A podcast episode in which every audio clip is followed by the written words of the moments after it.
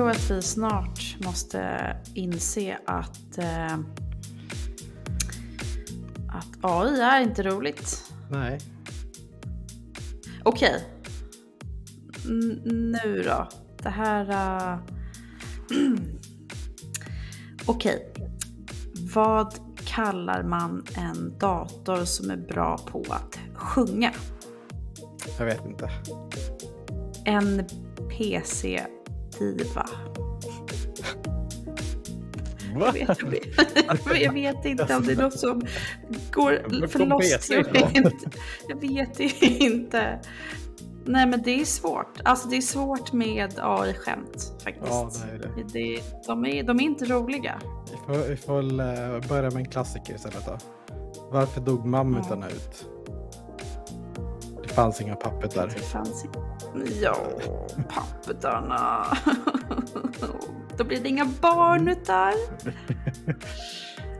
Då blir det inga barnutar. Hej och välkomna till eh, Vi jobbar med data. Eh, jag heter Ola. Jag heter Amanda. Jag heter Simon.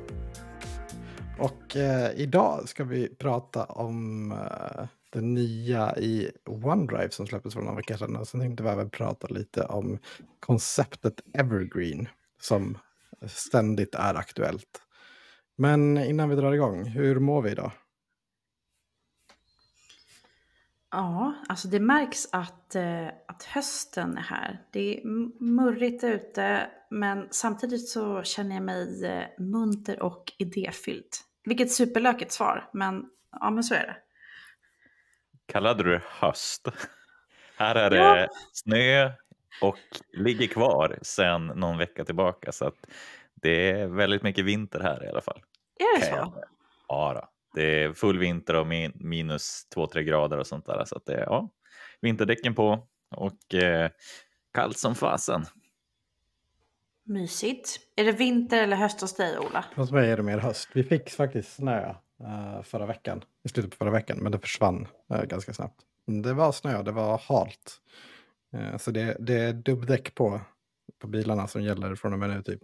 Bytt på den ena, ska byta på den andra på onsdag. Och jag är så bortskämd. Um, nu precis när det har blivit kallt så fick internet för sig att sluta funka i Polestaren. Så att jag kan ju inte starta klimatet med appen i telefonen. Så jag måste gå in i bilen, sätta mig och vänta fem minuter tills det blir varmt igen. Svinjobbigt. Det är synd om dig. Det är Det ganska synd om mig. Hemskt. Jag ska inte behöva leva i en sån värld. Jag har inte ens en skrapa eller en sån här borste längre, ni vet som man brukar ha i bilar. Insåg att ja, det kanske ändå är bra att ha utifall att. Ja, det är inte som vi. Vi har en spade i bilen. För eh, Lucci, han, är, han vill vara förberedd ifall om det händer någonting. Men det var ju skitlänge sedan vi spelade in podd. För att förra gången så hade vi ju, då livepoddade vi på Teamsdagen. Så att det var ju typ över en månad sedan vi hängde i, okej, vi hänger i den här konstellationen ofta online. Men liksom pra, prata, pratade i, i podden i alla fall. Ja, precis. Det visade ganska, det visade ganska tydligt när vi skulle börja, när du Amanda började med att fråga hur gör vi det här? Hur, hur långt ska det bli? Men jag, hade, jag kommer inte ihåg vad som var den magiska, magiska gränsen på poddavsnitt. Så jag hoppas att vi, eh, att vi kommer ihåg hur man gör. Ja, okej. Dagen innan Teamsdagen så hade Microsoft ett, eh, en livesändning om eh, den nya generationens OneDrive. Så att ni hör ju, det var ju några veckor sedan. Men det var, alltså det var ju ganska mycket som hände då. Men det kände ändå att det var dags att, eh, att prata lite om ämnet. Och the next generation of OneDrive, vad betyder det? OneDrive är väl bara en, eh, en liten behållare för mina personliga filer. Men, eller? Eller är det mer än det? Så i det här klippet så är det 30 minuter långt av Jeff Taper. Jag sa det innan här till Olof och Simon att det var länge sedan jag såg Jeff Taper så glad som i det här klippet när han får prata om eh, the file sharing hub that OneDrive is today. Och det är ganska många olika eh, små och stora saker som händer med OneDrive som gör att det ska passa dagens IT-landskap bättre som de säger.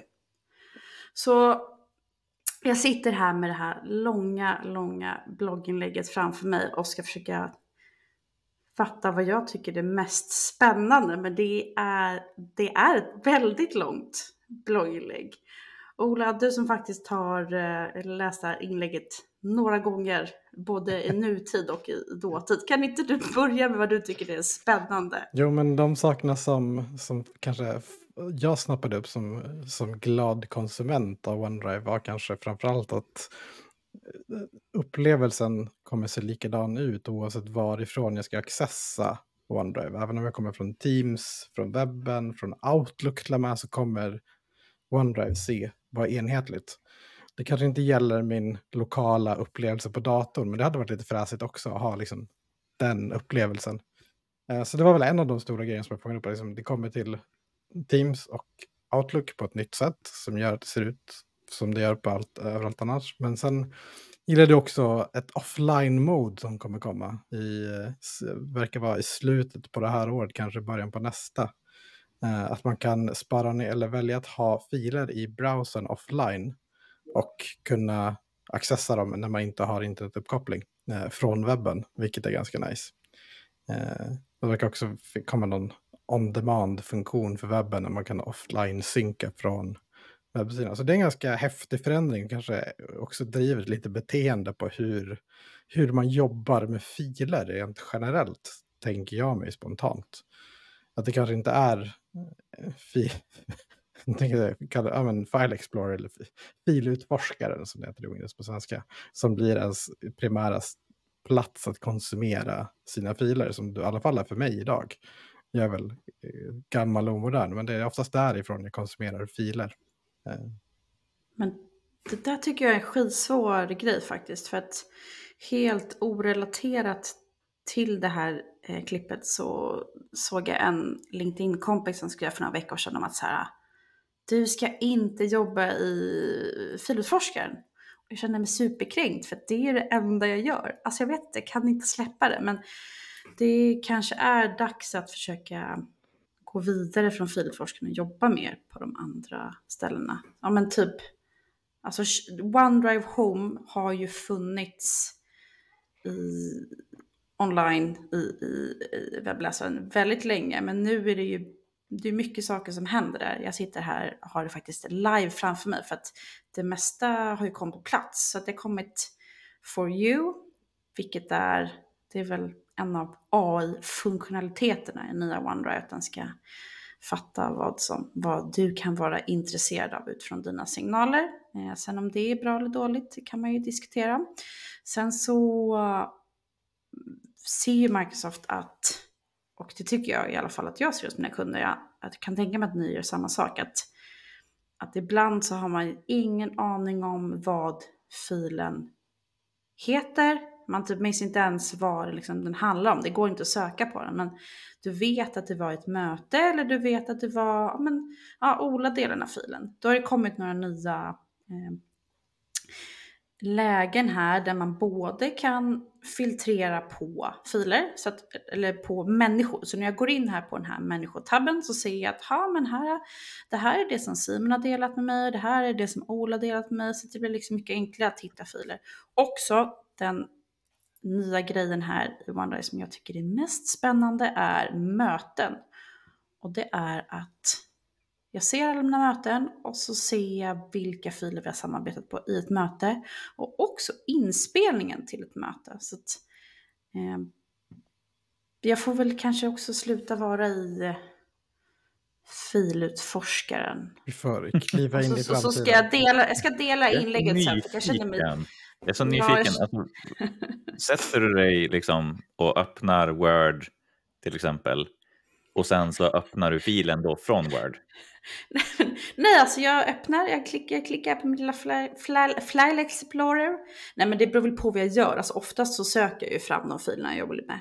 Det är väldigt sällan jag klickar mig in från där de ligger. Men om jag gör det så är det från filutforskaren och inte från webben. Det är så ja, gammal du tänker, du tänker OneDrive från, från File Explorer då? Exakt, exakt. Ah, okay, jag med. Ja, vi som lever i Shadow IT-världen har inte ens den där synken satt. Jag vet inte ens vad jag ska säga. är du Jag mållös? är helt mållös. Att du inte, ens- att du inte ens har enablat OneDrive på din dator Simon. Vi har så mycket, du har så mycket att lära. Jag, jag kan alltså jag är.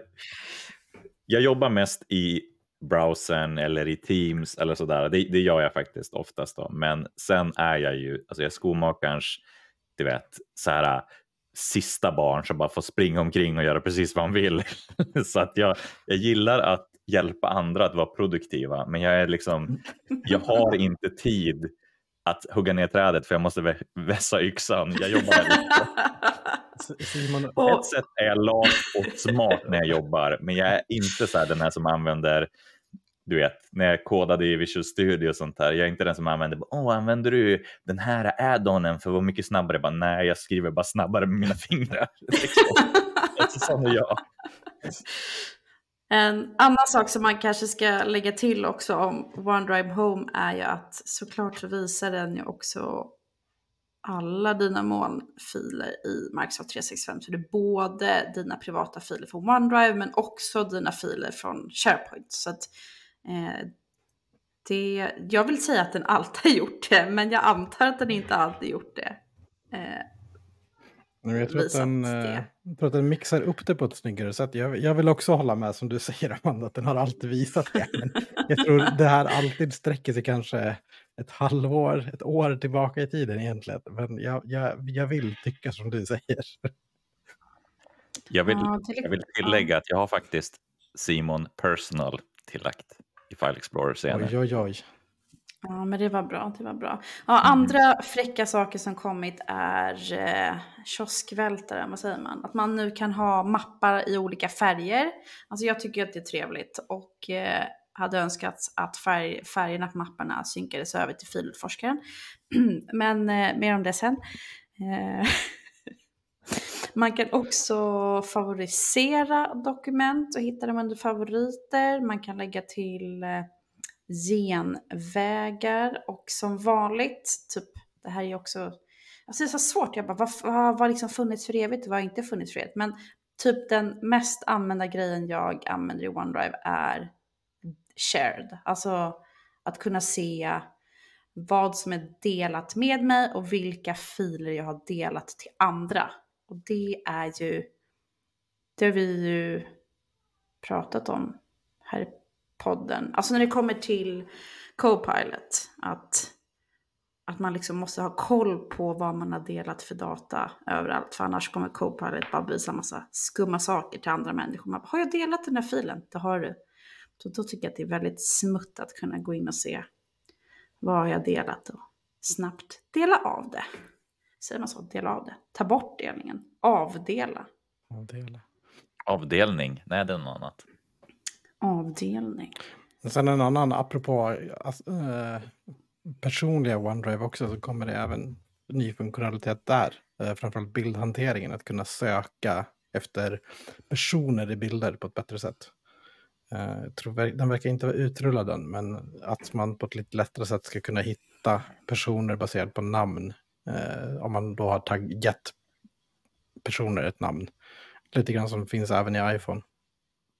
Mm, Och kanske Tänkte just det. Den är ju riktigt bra. Ja, precis. Och jag som lägger alla mina bilder i OneDrive så är det ganska trevligt att då kunna börja söka upp dem på ett lite lättare sätt än vad det har gått tidigare kanske. Det känns ju som en konsumentfunktion i alla Mm. fall. Som, alltså som jag förväntar mig. Ja, Jag precis. är skitdålig på att lägga mina bilder i OneDrive. Så att, Jag har automatisk Ja. sync till min konsument OneDrive. mm, mm, mm, mm, mm, mm. Jag tänker också för, för marknadsavdelningar och sånt där. att Jag menar, som alltid så ska ju Ola vara med på presentationer och sånt där. Så att de måste ju kunna söka igen Ola Ström och hitta igen bilder med Ola för att kunna göra det. Eller hur? Ja, men precis så är det ju. Det är givet. Det finns ett riktigt business case Ja, där. Jag Helt det. klart. Helt klart.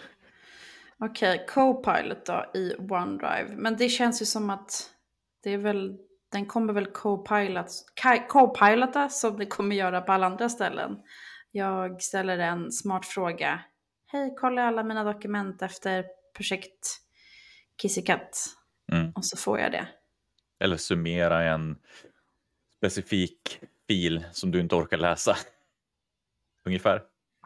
Det är ganska smart. Mm. Det är ganska smart faktiskt.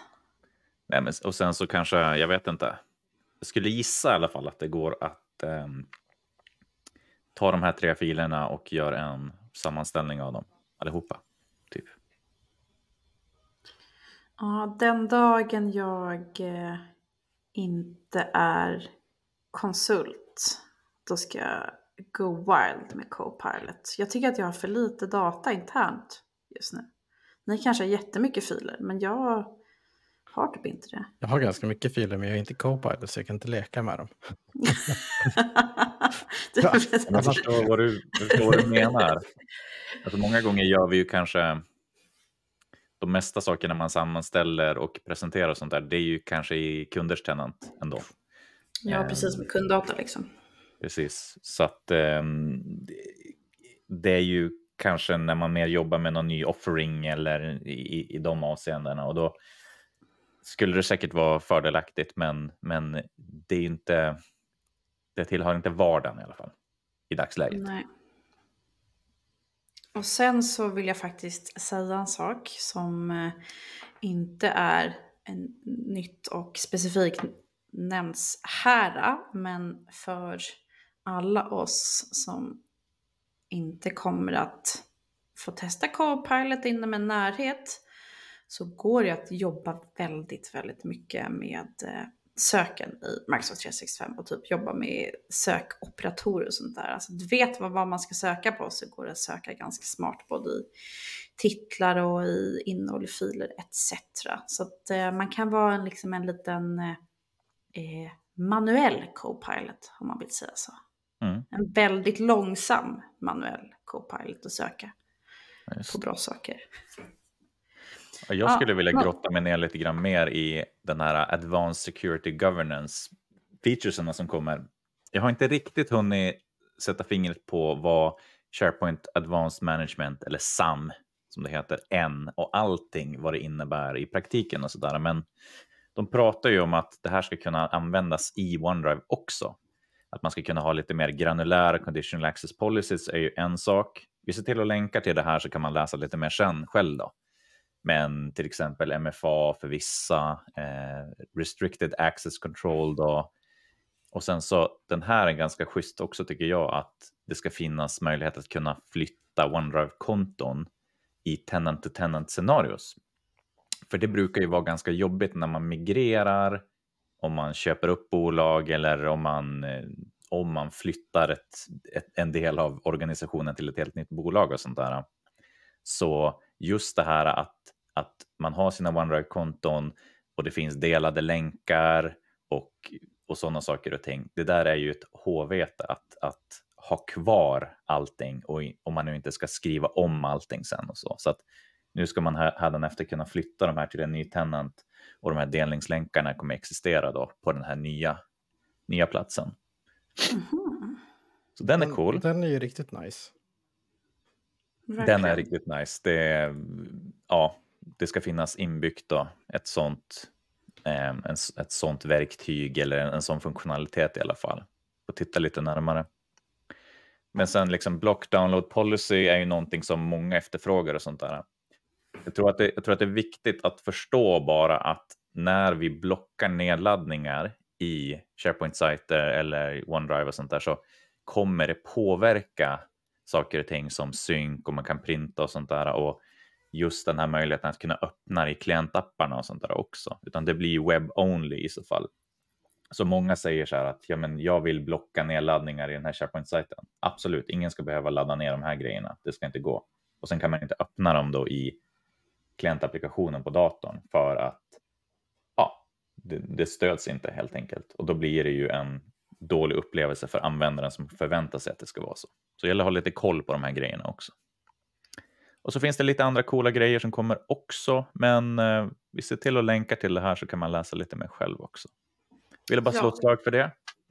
Det är bra. Men kontentan blir väl i alla fall att eh, Microsoft tycker väl att de har åsidosatt OneDrive lite och nu är det dags att göra det snyggare och för oss användare blir det ännu ett nytt ställe där vi kanske kan bestämma att vi vill börja vår dag. Vi kanske vill börja i OneDrive Home eller vi vill börja i Teams eller en del vill börja Outlook. Det är mm. där, där du tycker att du har bästa möjligheten att komma igång med din dag. Men okej, innan vi eh, hoppar över och pratar lite om Evergreen ska, ska ni få svara då på en pest eller kolera som jag kom på igår när jag låg i sängen och skulle sova. Så, aldrig mer eh, skicka ett chattmeddelande eller aldrig mer skriva en fil.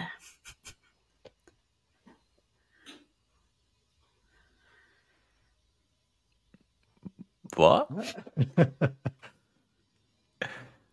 skriva en fil. Oj. Um, aldrig mer skriva en fil. Lätt. Kan leva med en, jag kan leva i en chatt.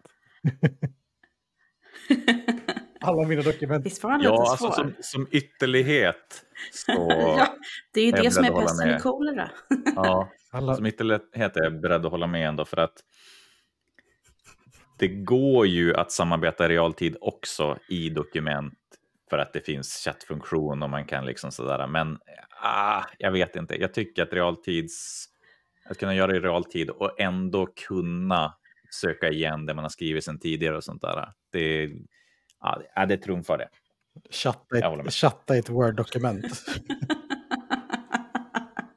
ja, nej men så ni där hemma, ni kan också tänka på det. Gå och fundera på det. Prata om det på dagens eh, fikapass med era kollegor.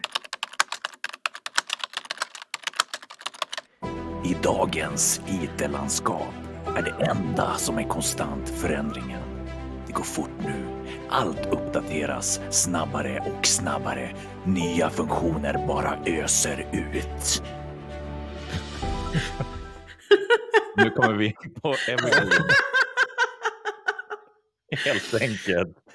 Amanda, ja. när kom du i kontakt med det här begreppet och vad är din erfarenhet? Ja, evergreen, eh, det känns som att det bara varit en naturlig del av eh, hela min eh, hela min IT-karriär. Så igår när jag skulle sitta och så fundera lite på Evergreen så var jag tvungen att så googla att vem kom på Evergreen? Jag bara, är det en Microsoft-grej eller är det en, är det en allmän IT-grej? Men när jag googlade kom fram till att det, jag tror att det är lite mer allmän IT-grej men är ett ganska nytt begrepp.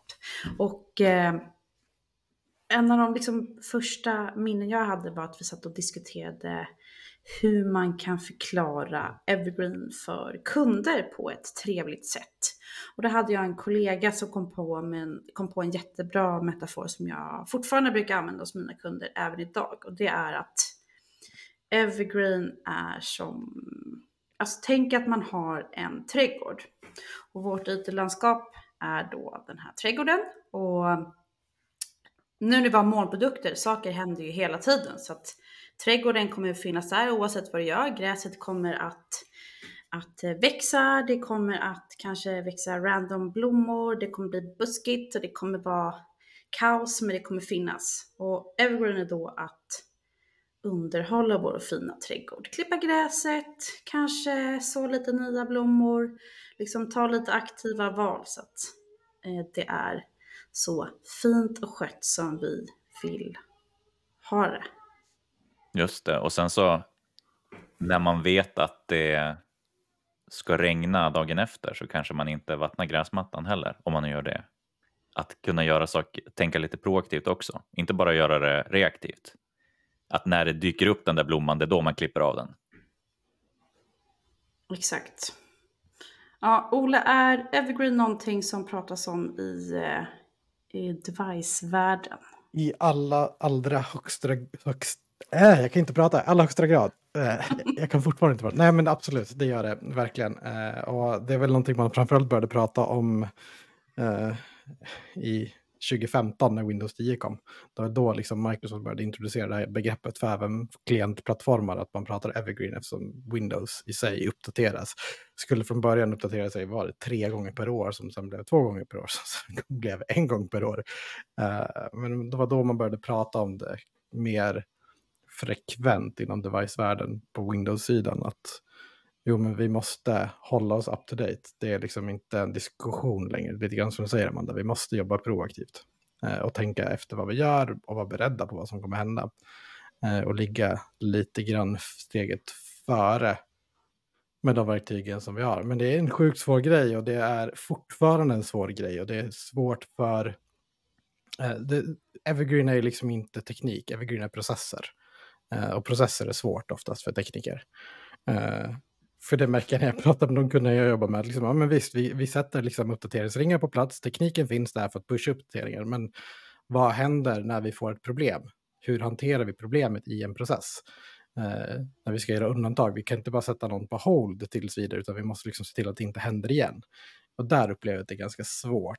Eh, man har inte riktigt kommit dit än. I alla fall inte från ett klientperspektiv, att vi vet hur vi ska exakt hantera det. Sen har man så mycket legacy och brottas med gamla trasiga applikationer som inte tycker om förändring. Eh, som inte är Microsoft-produkter oftast, utan det är någonting hemmaskrivet eller köpt på stan eller vad fasen som helst.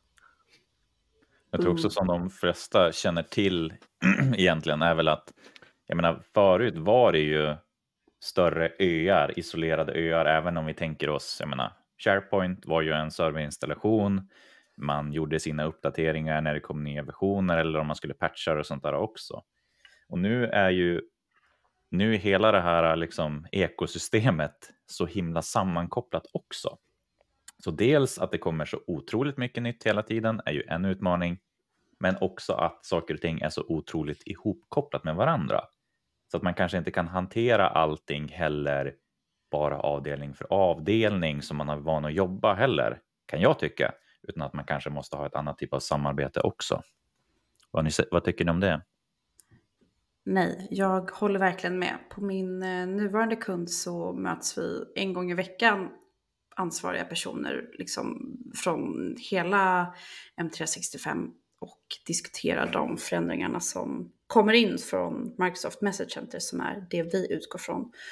Och det är klart att det väldigt ofta kan, kan vi som jobbar med Microsoft Teams säga att ja, men, vi skiter i det här eller det här kör vi på. Men det finns ju ibland när man gör en inställning i SharePoint så påverkar det Teams eller i, ja, så att det går ju liksom inte att, att jobba så uppdelat för att allting hänger ihop på ett eller annat sätt.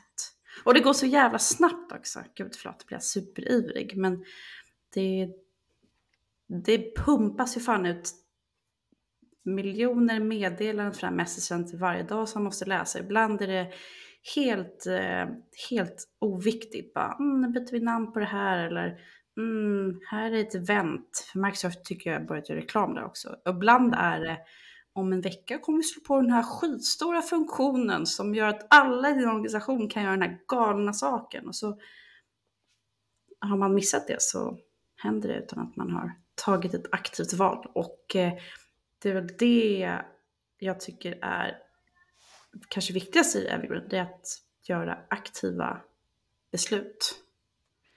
Ja, aktiva och proaktiva tycker jag i, i, i största möjliga mån.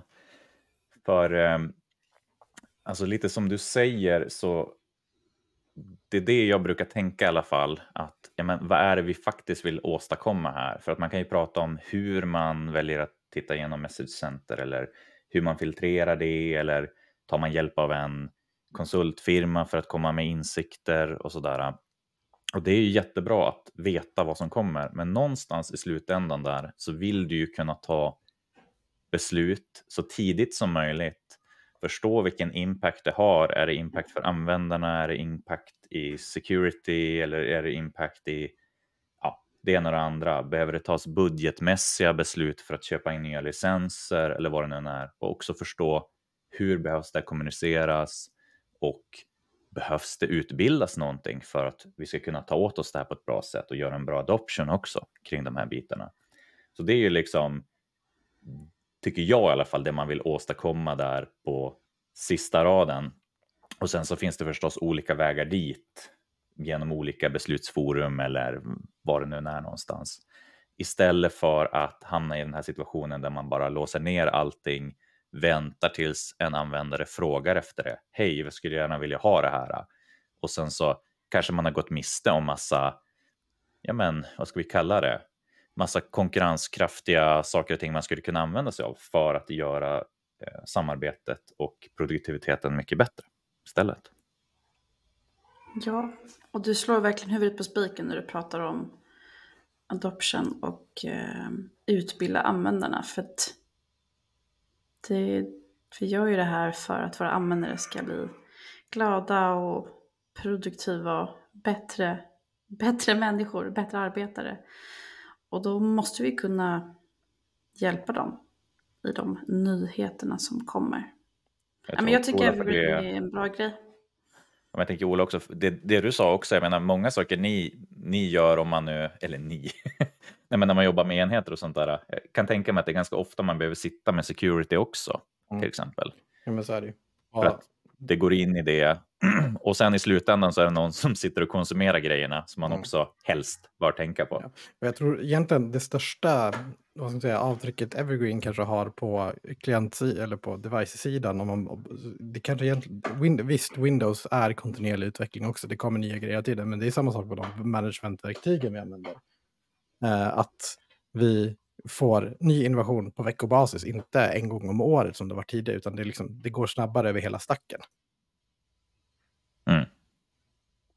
Men sen finns en annan lite intressant aspekt av det också som en tidigare, någon på en tidigare arbetsgivare till mig uttryckte när vi pratade just Evergreen. Och att vi skulle gå från Windows 7 till Windows 10 eller om vi pratade Windows 10 till Windows 10 uppgraderingar. Uh, var liksom, men varför ska vi göra det här? Det tjänar vi inga pengar på. Eller liksom det, här, det här får vi ingen ny funktionalitet av att vi ligger på senaste releasen av någonting. Eh, för där förstod man från business-sidan inte vinningen med att vi måste hålla, upp, hålla oss uppdaterade för annars ger det två år så måste vi göra en jätteuppdatering som har jättepåverkan på slutändan istället. Mm. Ja, men det finns ju också jag menar, aspekterna som, men varför, ja, om vi säger så här, jag tar ett steg tillbaka. När jag har fått de här tidigare, när, när jag har haft hanterade datorer och sånt där, wink wink, så när man får den här, din dator kommer stängas av om 45 minuter för du ska ha uppdateringar och sånt där. Alltså det är så, jag vill ju svära varenda gång. Men om man inte uppdaterar och patchar saker och ting heller, rent så krasst nere på den nivån, jag menar det är ju säkerhetsrisker också. Så är det ju. Och sen har du... Det är ju otroligt viktigt att, att hålla saker och ting uppdaterade också när det, när, när det gäller sådana saker. Ja, så där gäller ju också, om vi ska prata uppdateringsdelarna, så är det också viktigt att skapa förståelse hos användarna. Varför vi gör det här. Det är inte för att vi vill jävlas med er, utan vi måste göra det här. Och försök mm. göra det på en tid som passar dig, för att när den här har gått ut, då kommer vi tvinga dig att stänga av datorn inom tre minuter. Bara för att du sköt upp det här så många gånger när du hade chansen att uppdatera när du stängde av för dagen eller vad fan, 17 som helst liksom, så hade det... Det är också, och det är samma sak egentligen med att säga att mitt favoritexempel som blev sanning, eh, eh, de uppdateringar som kommer, typ startmenyn byter plats. Och det gjorde ju Windows, 11, Windows 10 till Windows 11. Men också liksom att kunna kommunicera med slutanvändarna kring de förändringar som faktiskt sker så att det blir en någorlunda fair förväntan från deras sida. Att ja, men nu ser Outlook väldigt annorlunda ut plötsligt. Det är väl kanske den hetaste potatisen just nu med att nya Outlook ser väldigt, väldigt annorlunda ut och funkar på ett annat sätt. Det är väl mm. också någonting som spinner in i det att kunna berätta. Jag, jag håller med och jag tycker att det är viktigt att fånga upp de sakerna till exempel att startmenyn byter plats. Det är ur mitt perspektiv så är det som så bara, ja, men jag bryr mig inte, jag fattar ju direkt ändå. En sekund tog det, sen fattar jag ändå vart allting är ungefär. Men jag menar, man kan, inte, man kan inte förvänta sig att alla ska tänka likadant där. Och då är det viktigt att fånga upp det där och det är bättre att informera och säga då att det kommer bli vissa skillnader nu. Det kommer se ut så här ah, för att det finns ju en mycket större chans att man, vad ska vi säga, inte möter ilska och frustration hos användarna. Och ska man vara lite så här egoistisk och inte tänka på perspektivet att göra det smooth för användarna så kan man i alla fall få färre tickets till service desk och sådär åtminstone. Men upplever du, Ola, att det, att det kommuniceras tillräckligt bra eh, när ni gör sådana där förändringar eller är det room for improvement? Det finns alltid room for improvement om jag ska vara helt ärlig. Det är svårt att nå ut framför allt. Och det jag upplever att man tycker att man oftast har, har kommunicerat bra från ett IT-perspektiv och sen så nådde man ändå inte fram. Eh, jag tror, så jag tror det är det som är utmaningen också att hitta. Hur når vi fram i bruset som ändå är med att klientsidan skickar information, eh, productivity-sidan och modern work-sidan skickar information och alla andra skickar information om att det är konstanta uppdateringar, vilket gör att det bara försvinner i bruset för många. Så jag tror där det borde inte finnas någon central, någon central funktion för end-user-kommunikation. Um, kan jag tycka. Och att man har satt en strategi för vilka kanaler man ska använda också. Om det nu är liksom på intranätet eller om det är Outlook eller någonting sånt. Jag, Vad tycker du Amanda? Vad är din erfarenhet? Nej, jag tycker att det är en jättespännande fråga Simon för att det blir liksom, det är lite svårt för att en del saker vill man ju liksom göra en nyhet för, men kanske nya Outlook eller nya Teams är nyhetsvärdigt. Men när det har kommit hundra nya knappar eller liksom när, var, var går gränsen? Vill man ha mm. en Viva Engage-sida där man spottar ut alla nyheterna eller har man liksom en samlad sida? Jag har inget bra svar. Jag tycker bara att det är, det är så intressant för att alltså det händer för mycket saker för att man ska kunna kommunicera det på ett snyggt sätt tror jag utan att användarna blir trötta. Men samtidigt så vill man ju göra det. Bra, luddigt, luddigt och tydligt från mig. Bästa exemplen jag har varit med om i alla fall, i, i, enligt min erfarenhet, är att man kanske har då ja, vad man nu har. Har man produktägare för olika områden eller vad man nu har, arkitekter eller någonting sånt. Men då tar den, låt oss kalla det collaboration, tar ansvar för att hålla koll på vad som kommer, eh, testa det eller ligga i framkant och förstå vad det är någonstans och sen så sammanställa det i någon typ av presentation som är konsumerbart av en, för en femåring, om vi säger så. Och sen så eh, gör de andra delarna det eh, också, att de också sammanställer sina bitar. Då.